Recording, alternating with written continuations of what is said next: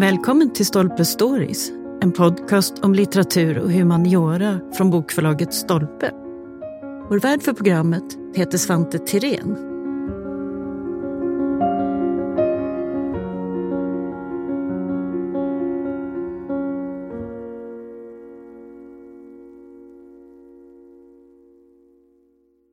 Vad är egentligen pengar?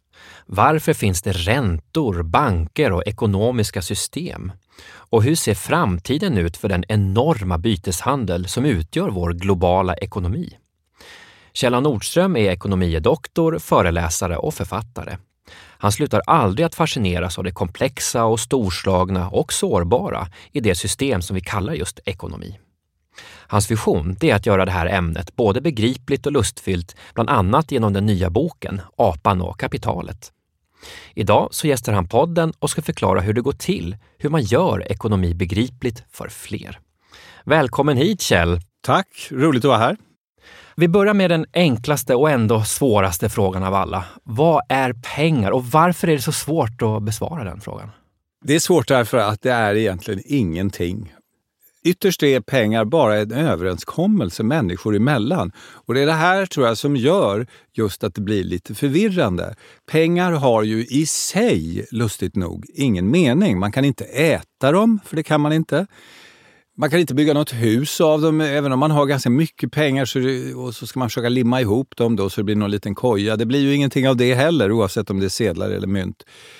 De är verkligen ett påhitt, nummer ett. Och de är en överenskommelse, nummer två. Och de finns där för att underlätta någonting annat. Så de har egentligen ingen egen mening. De är ett görande mer än ett ting, så att säga? Det kan man säga. De är en process snarare än, än någonting eh, som vi skulle kalla en struktur. Det är en pågående sak.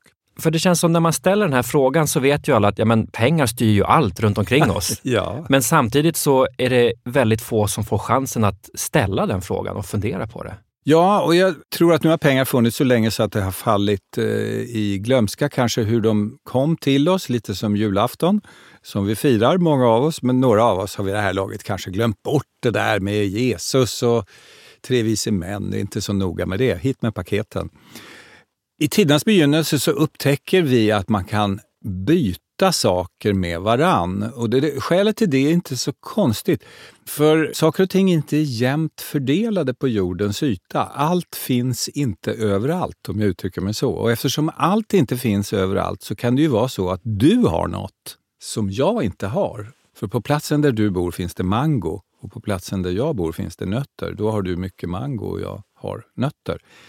Och vi upptäcker någonstans när vi vinglar omkring där i historien att man skulle på något sätt kunna byta de där nötterna mot en mango. Och det lustiga med den där är att då får båda det bättre. Mm. Det är ju en upptäckt. Det är win-win. Det är win-win. Ja.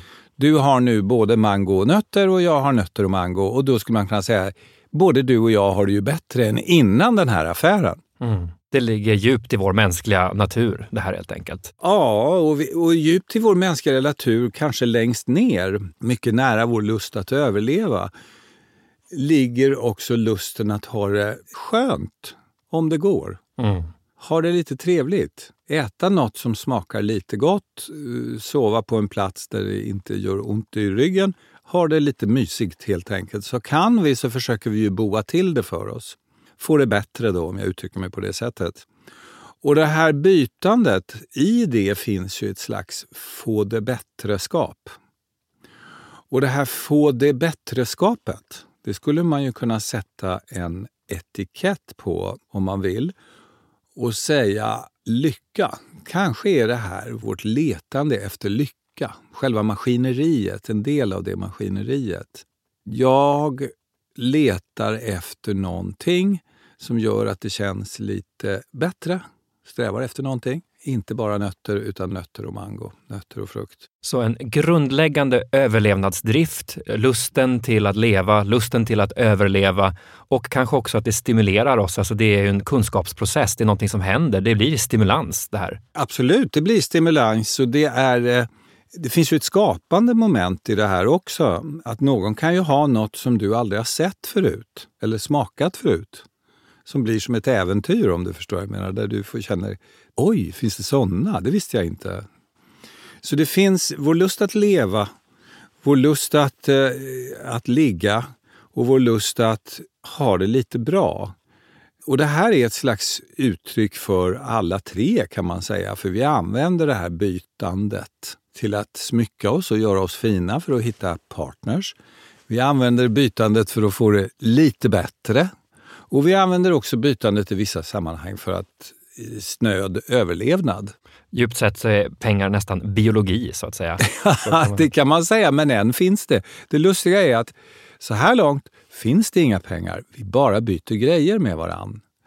Och så ser vårt liv ut, större delen av människans historia. Problemet med det där är att om jag nu bara har fisk och vill byta till med någonting annat så har ju fisken kort hållbarhet. Just det. Ja. Nu börjar det bli problem. De här problemen upptäcker vi ganska tidigt, att det här typen av eh, ekonomi, om jag får kalla det så, primitiv ekonomi, den har ju sina begränsningar för det ska ju släppas runt på saker. Jag ska ha med mig nötter, fisk och sen ska jag hoppas på att du vill ha nötter eller fisk. Det är inte säkert att du vill. Och det finns hela tiden en tidspress på det här också, en tidsaspekt. Det är bråttom nu. Mm. Så vad man skulle kunna göra här, det är ju hitta på något som löser de praktiska problemen med bytesekonomi. Och om man nu gör ett tankeexperiment så skulle man ju kunna tänka så här. Tänk om det fanns någonting som alla människor alltid ville ha. En vara som är på det sättet. De bara, när du kommer med den säger den vill jag ha. Tänk om det fanns en vara som inte nog med att alla ville ha den, den väger ingenting heller. Nästan ingenting. Den är jättelätt att ha med sig. Och tänk om det fanns en vara som inte ruttnade, så man kunde lagra den. Om det fanns en sån vara, den ska uppfylla lite andra kriterier också, då skulle jag ju alltid med den varan kunna byta till mig alla andra. Mm. Det är logiskt, mm. eftersom alla vill ju alltid ha den. Det är nummer ett. Nu kommer tankelek nummer två. Det här skulle ju fem, sju, åtta, tio människor näst, kunna göra nästan som ett sällskapsspel. De skulle ju kunna gå samman de här tio och säga vi låtsas att vi har en sån vara. Mm. De här snäckorna här som vi har, vi har en hög med snäckor här, det är 25 stycken snäckor. De snäckorna, de kan man byta till sig vad som helst i vår lilla krets. För du får alltid byta eh, den där snäckan mot någonting annat. Det vill säga man gör en överenskommelse i en liten krets. Och sen kan man i sin tur, den som då eh, får snäckan kan byta, fortsätta byta den mot någonting annat. Och nu är vi igång. Med någonting som liknar och är ett utkast till det som sen ska bli sedlar, mynt och det som vi idag kallar för pengar, som kommer långt senare. Som är en förfining av snäckorna och en standardisering av snäckor. För snäckor, problemet med snäckor är att de ligger och skräpar. De kan gå sönder, de är olika stora, de är inte standardiserade. Det är massor med praktiska problem med snäckor också. Men efter ett tag, när vi har fått tänka och det går, årtusendena går, så kommer vi fram till att ja, men man skulle kunna göra standardiserade snäckor. Standardsnäckor, så att säga. Och där någonstans så börjar de första mynten växa fram som man präglar och gör likadana. Och nu har någonting hänt. Och det här fascinerar mig än i denna dag. Jag har ändå hållit på med ekonomi i några år. Att pengar möjliggör någonting som påminner om Harry Potter och trollkonst. Jaha. Ja, det är lite trollkonst eftersom det gör ju att du som är vinodlare, Svante har vingård, kan förvandla sitt vin till en vagga. Och vaggan kan sen förvandlas till cykeldäck när du inte behöver den längre. Mm. Och cykeldäcket kan förvandlas till ett par handskar. Du kan hela tiden förvandla en sak till en annan när pengar dyker upp här som ett medel. Det blir ju nästan magiskt, ja. Svante, eller hur? Jo, det gör det ju. Men, men är det inte det här som är lite grundutmaningen här? Att å ena sidan bygger ju pengar och ekonomi på grundläggande dynamiska principer om, om lust, om efterfrågan och så vidare. Ja, men ganska då, enkla basala. Ja, enkla basala saker som de flesta förstår, eller alla.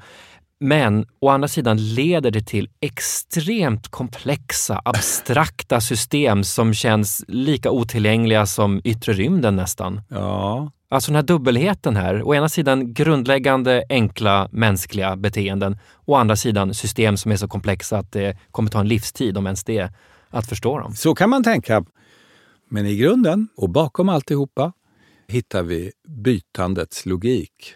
Någonstans i bakgrunden finns det där hela tiden. Hur komplext den ser ut. Ah. För en annan sak man funderar på det är ju det här med att vi har ju alla en relation till pengar, vare sig vi vill eller inte. Mm. Men hur lär man känna sig själv och sin relation till pengar? För det påverkar ju hela ens liv också naturligtvis, hur man faktiskt förhåller sig till det här. Ja, det har ju skrivits och sagt jätte, jättemycket om pengar, men för vårt samtal skulle man kunna välja ett sätt att se på det här och det är att vi moderna människor skulle med fördel kunna tänka på pengar och frånvaro av pengar, både och. Men låt säga att de finns, man har dem, som en frusen frihet. En frihet som, ungefär som vatten kan frysas och då blir det en liten iskub som man kan lägga i sin whisky så kan frihet frysas in i form av ett litet sparkapital. Och det sparkapitalet kan man då tyna upp lite av och åka till Bali och gå på yogakurs om man vill. Eller man kan låta bli och tina upp det. Och lägga in lite mer i frysen och så åka lite längre bort. Eller att köpa en liten häst, om man nu vill det. Gå ut och ta en riktigt bra middag tillsammans med några kompisar kan man drömma om. Och då har man det där lilla kapitalet som är frihet att göra det om det till en häst, till en Baliresa eller till en middag eller vad det nu kan vara. Ehm, tillbaka till din fråga. Ja, det här blir ju närmast terapeutiskt Ja, som du hör. därför eller hur? det- Men det är väl så, det är ju en del av vårt psyke nästan. Ja. Alltså, Därför att det här blir ju frågan om vad vill du lille vän med ditt liv då? Vill du åka till Bali eller vill du ha en liten häst eller vad är det du vill? Och på något sätt så, den här frusna friheten, den reser ju den frågan. Vad ska du med den till? Den där friheten. Nu har du den. Låt säga att du har ett litet, litet kapital. Du ärver en peng efter din, dina eh, farföräldrar kanske. Och så sitter det där på kontot, fruset och fint. Och då reser ju det frågan, vad ska jag göra med dem? Ska jag låta dem vara på banken och få ränta eller investera dem i aktier? Det går ju bra. Och så får jag lite mer frihet om tio år. Eller ska jag börja försöka svara på alla de här frågorna? Vad vill jag? Du hör ju själv att det här är just terapeutiskt. Men om man vänder på steken då, för, för de allra flesta tror jag, så är ju det någonting negativt landat. Det har, man har för lite pengar, det är för svårt. Man uppnår inte sina drömmar och mål. Pengar är farligt, pengar är problem kort och gott. Mm. Hur gör man då för att navigera det här? För då har man ju bara ett ensidigt eh, negativt förhållande till det här. Jag tror det är två svar på den där frågan, varav ett har vi förstått nu på sista åren och kunnat visa att våran karaktär är lite eh, egen, eh, vi människor. Större delen av den tid vi har funnits här på jorden har det varit knappt om resurser, knappt om det ena och det andra. Det vill säga, vi är vana vid en tillvaro där saker tar slut, inte finns, vi får svälta, mm, vatten som plötsligt är en period av torka. Det här är vår historia. Nu hoppar vi lite i tiden fram till precis just idag, 2023, och i Sverige och här i Stockholm, där vi, du och jag nu sitter. Där är ju inte så att det direkt är knapphetens stjärna som lyser, oavsett vad vi vill ha. Tandkräm, en cykel, yogakurs. Det finns hur mycket som helst att välja på. Och då visar det sig att det här är vi särskilt dåliga på, att hantera överflöd. Är vi sämre på att hantera överflöd än underskott? Ja, och det är vad psykiatriker och hjärnforskare idag säger. Denna våg av övervikt till exempel som sveper över världen. Vi är en gränslös apa. Vi är en fattig apa som har levt eh, många miljoner år med knapphetens stjärna lysande över oss och plötsligt katapulteras vi på några hundra år. Det är ingenting i ett evolutionärt perspektiv. Ett par hundra år är ingenting. Vi kan sätta det till noll. Mm. På ett par hundra år katapulteras den här fattiga apan in i ett liv där det finns ett överflöd av både det ena och det andra. Apan blir snurrig i bollen. Äter så den håller på att tuppa av.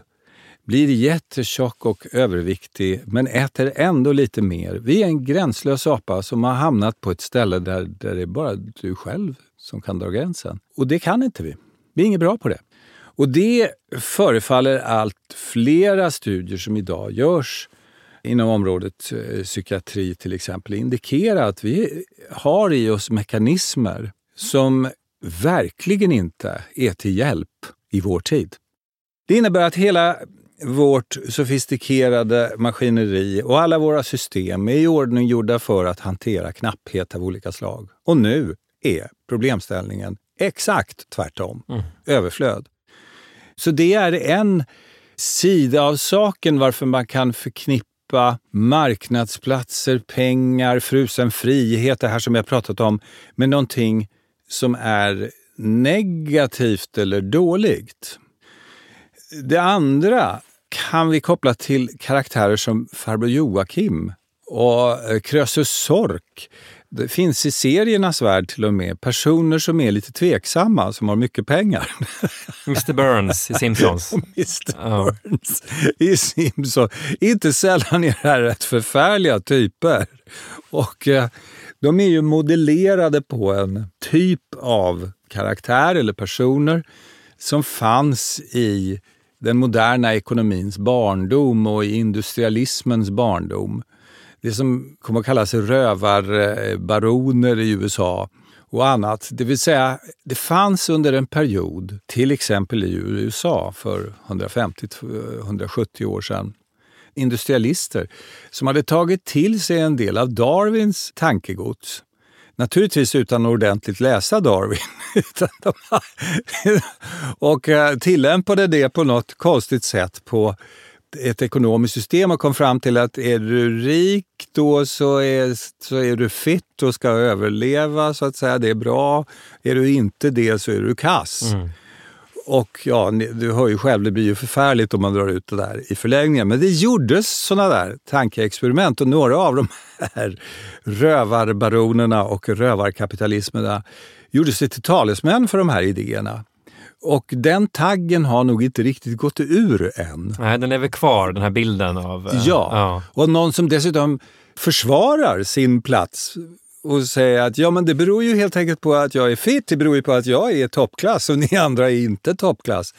Som jag sa, det där eh, gjorde att hela systemet fick lite dålig press. Mm. Kan man säga. Och Det är väl till slut också berättelser, alltså vad är det för berättelse vi upprepar gång på gång om det här? Det är de som styr mycket hur vi tänker kring det här och beter Absolut. oss. Absolut. Det kommer man ju eh, nästan aldrig kring, att vi uppfinner ett antal berättelser. Och den här berättelsen, Eh, berättelsen som de här rövarbaronerna, en del av dem, gör sig till talesmän för, den satt och den sitter delvis kvar, den taggen. Men om vi bortser från den ett ögonblick och om vi bortser från den där nyrika apan som far runt i en, på en stormarknad eh, och inte är van vid överflöd, och tittar på vad ett ekonomiskt system egentligen gör när det tickar och går, är att det försöker lösa praktiska problem åt oss människor eh, och jämna ut resurstillgången i världen. Och faktiskt, om man ska ta till brösttoner, ytterst då försöka skapa någon sorts lycka genom att livet blir lite bättre. Mm. Sen finns det avarter, det finns sidoeffekter, det finns dålig moral, det finns massor med saker som ställer till det här. Men den här apan som håller på och löser små praktiska problem och byter saker är i grunden inte någon, någon sorts galopperande ondska som vi måste få stopp på. Nej, just det. Det är inte den här mörka kraften som liksom en mytisk varelse Nej, nästan. Nej, det är inte någon dark force Nej. du frågar om.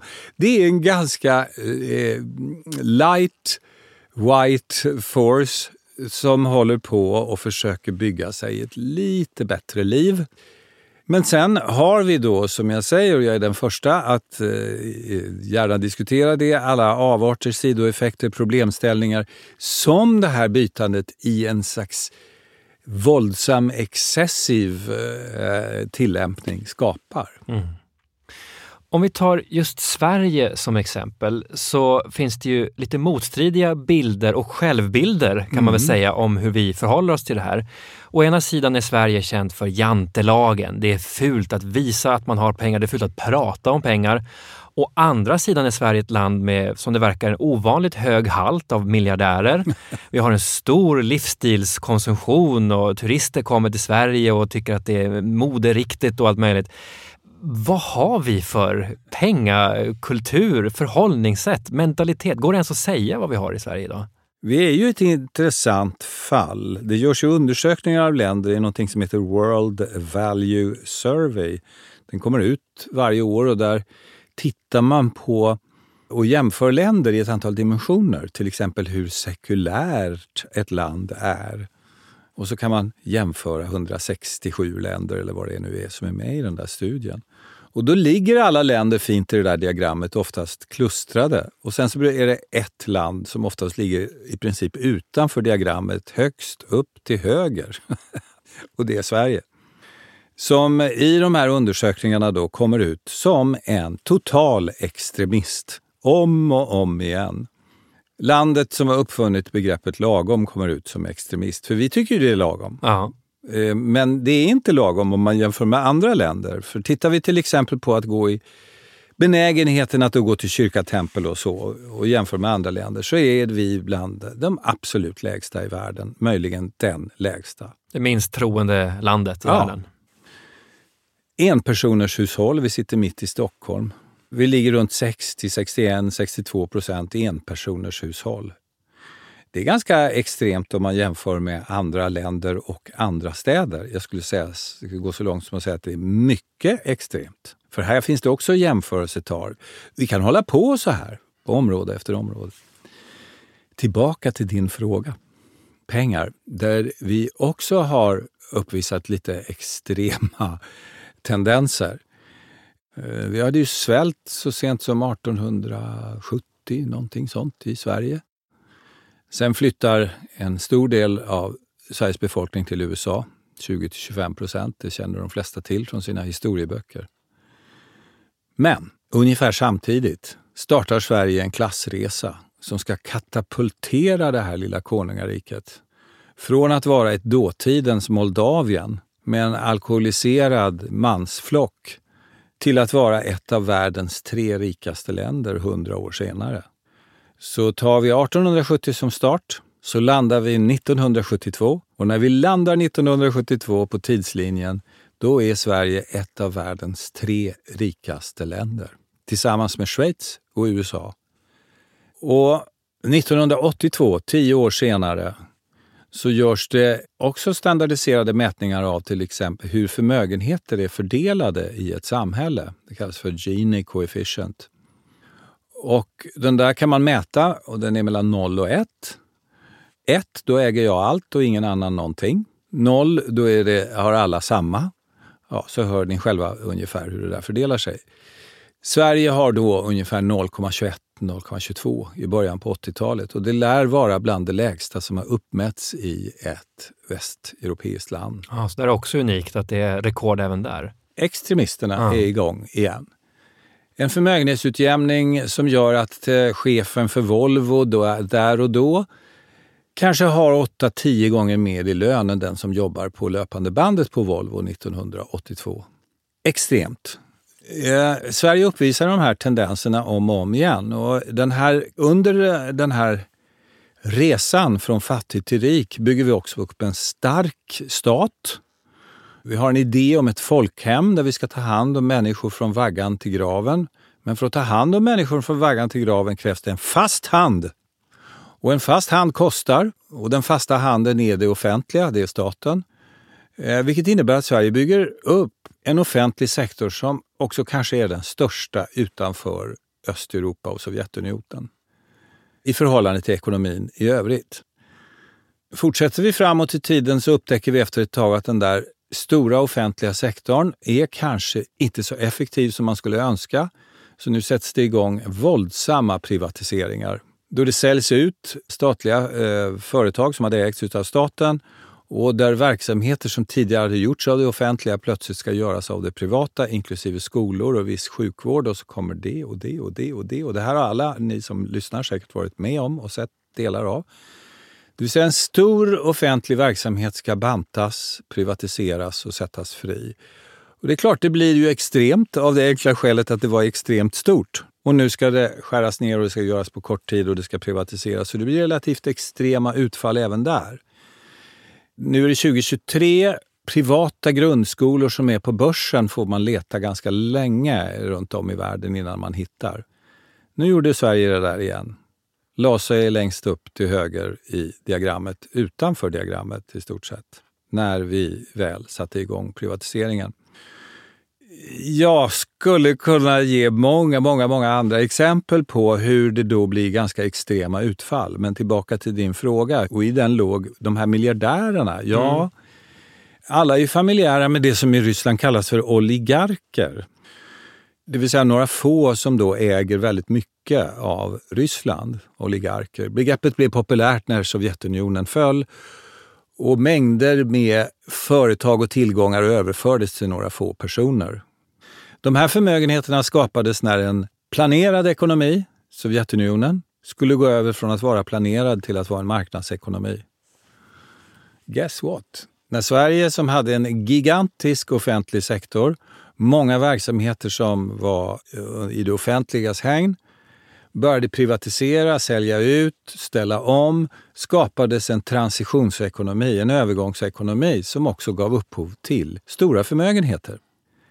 Och jag skulle kunna göra listan med exempel mycket lång, men det finns ett företag som nu under de sista åren till exempel har systematiskt köpt kommunala och statliga fastigheter runt om i Sverige, polisstationer, skolor och annat och sen hyr ut dem till polisen och skolor och annat. Det vill säga tagit över fastigheter som tidigare var offentliga, flyttat över dem till det privata och personen i fråga har blivit mycket förmögen. Miljardär och finns på den här trevliga listan som du refererar till. Att vi har så många miljardärer. För mig som ekonom är det inte så förvånande att vi har fått den här högen, ganska stora högen, med väldigt förmögna personer på ganska kort tid när vi då har sån här transitionsekonomi. Och det följer mönstret att landet lagom har blivit extremernas hemland. Ja, det är så. Samtidigt som vi som ett mantra upprepar att det här är nog lagom. är, det just, är det just därför det kan frodas? Om vi går runt och tror att vi är lagom, det är då vi verkligen öppnar upp för extremism. ja, ja, men det kanske är som med mycket annat som vi människor gör, att vi gör en sak och sen så besvär vi det lite så här. ja. nu är det lagom här, men vi vet någonstans att det kanske inte är riktigt lagom. Men om jag säger lagom många gånger nu så, så kanske... Man ska aldrig lita blint på ens egen självbild. Du, till sist, Kjell, du är ute och föreläser, du är väldigt synlig i media, du skriver böcker. Om du ser till diskussionsklimatet nu, vad är de stora missuppfattningarna kring pengar och ekonomi och allt det här som nu händer? Nu pratar vi Putinpriser, räntor. Är vi, är vi rustade kunskapsmässigt för att förstå vad, vad det är som händer? Nej, det är vi inte. Några saker börjar bli för svårt för gemene man att förhålla sig till. Pensioner till exempel. Som i grunden igen inte är en komplicerad sak. Pension är uppskjuten lön. Lön som man avstår tidigt i livet och får senare i livet när man inte orkar jobba. Det är själva principen. Det är ju inget svårt att förstå. Men det påverkas av Putin, räntor, valutakursförändringar och så kommer en mängd med saker som man behöver förhålla sig till. Inklusive demografi, hur länge vi ska leva, inklusive hur när man ska sluta jobba själv och så kommer mycket, mycket annat. Nej, det här är ett problem, skulle jag säga, att eh, Ekonomi har utvecklats på ett, ungefär som området medicin och många andra vetenskapsområden har tagit språng vilket gör att man behöver helt enkelt en rådgivare vid sin sida när man ska försöka förstå. Vi tar ett exempel Svante. De flesta människor idag, om man skulle hamna i klammeri med rättvisan, blir misstänkt för något, hamna i en domstol. De allra flesta av oss har då blivit vana vid tanken på jag måste nog ha en advokat. Jag sätter mig inte i domstolen och orerar själv och försöker läsa lagboken själv innan jag går dit. Det gör vi ju inte, utan det får en advokat göra. Det är för svårt. Du har all rätt i världen att föra din egen talan, men de flesta gör inte det, utan de tar en specialist, en advokat. Vi håller på att hamna där med flera andra kunskapsområden och jag skulle säga att ekonomin nu är farligt nära ett tillstånd då man behöver ha någon vid sin sida. Mm. För att titta på sin, allt ifrån sin livssituation i stort, med familj och, och, inkomster och hur de ska fördela sig och vems, om man ska ha delad ekonomi eller inte. Pension. Ska jag arbeta eller plugga i, utomlands i fyra år? Vad får det för ekonomiska konsekvenser? Det här börjar nu nå en nivå då man behöver ha den där advokatliknande figuren vid sin sida och, och, fråga hur ska jag förhålla mig till det här då? Men är lösningen då en ny våg av ekonomisk folkbildning eller är det att skapa enklare system? Vilken väg ska man ta? Det kanske finns tre vägar, varav du sa två. Det är förenkling, absolut. Men hur mycket man än förenklar saker så måste man ju ändå förstå de underliggande principerna på något sätt. För annars är man ändå i händerna på en app eller i händerna på Google eller vad det nu är. Man måste kunna rimlighetsbedöma saker och ting själv. Så den kunskapen måste man ha. Tillräckligt mycket kunskap för att känna och värdera de råd som man då kanske får av sin ekonomiska advokat. Förenkling av systemen, absolut. Allmänbildning, det vill säga att eh, det finns lite mer företrätt av det här i skola och på vägen upp mot vuxen. Att man lär sig lite om vad det här systemet är för något. Mm. Absolut. Men det tredje är att jag är relativt övertygad om att vi kommer att få se ett skrå, ytterligare ett skrå växa fram som tar sig an det här. Aha. Av eh, vad är då? Ekonomiska folkbildare? Rådgivare, folkbildare, kalla det vad du vill, som finns där vid din sida när det brinner till. När du vill se över eh, din ekonomiska situation och fundera över arvsfrågor till exempel. Och då ska det inte vara en, en person som sitter på banken, för det är ju en part i målet. Mm. Det är ju en säljare, uttryckt på vanlig svenska. Utan här behövs ju någon vid din sida som är din konfidant som är din rådgivare och som för din talan precis som en advokat. Och som säger det där är en dålig fond. Och det är nästa stora förändring kanske, att se hur, hur det här kommer som ett nytt skrå, en ny kunskapsdynamik helt enkelt. Det, det, här. det här är, för mig då med min träning och som ekonom, så är det en helt naturlig utveckling. Det finns mäklare idag, man kan sälja sitt hus själv. Alla kan, om de läser på och sätter sig in i saken, så kan man både köpa och sälja hus själv. Men de allra flesta väljer att gå till en mäklare när de ska köpa och sälja. Det är en kunskap som behöver läggas till för att förenkla igen. Ja, för att förenkla tillvaron. Och nu håller vi på att hamna där med förhållandet på en slags överordnad nivå till det ekonomiska systemet. Att det på några områden börjar bli tillräckligt komplext för att man måste ha en, en rådgivningsfunktion. Det mm. finns ute på kommuner och det finns eh, hmm, viss ekonomisk rådgivning, familjeekonomi och sådär. Det finns ju numera familjeekonomer och annat. Men nästa steg är ju det här som en yrkesgrupp, det som jag beskriver. Ungefär som mäklare eller advokater eller vad det nu kan vara. Ja, det är verkligen en, som sagt, unik historisk tidpunkt, unik evolutionär tidpunkt och vi lever alltså i extremernas land, Sverige. Det är några lärdomar vi kan ta med oss här idag. Stort tack för att du kom hit Kjell! Tack så mycket, roligt att vara här!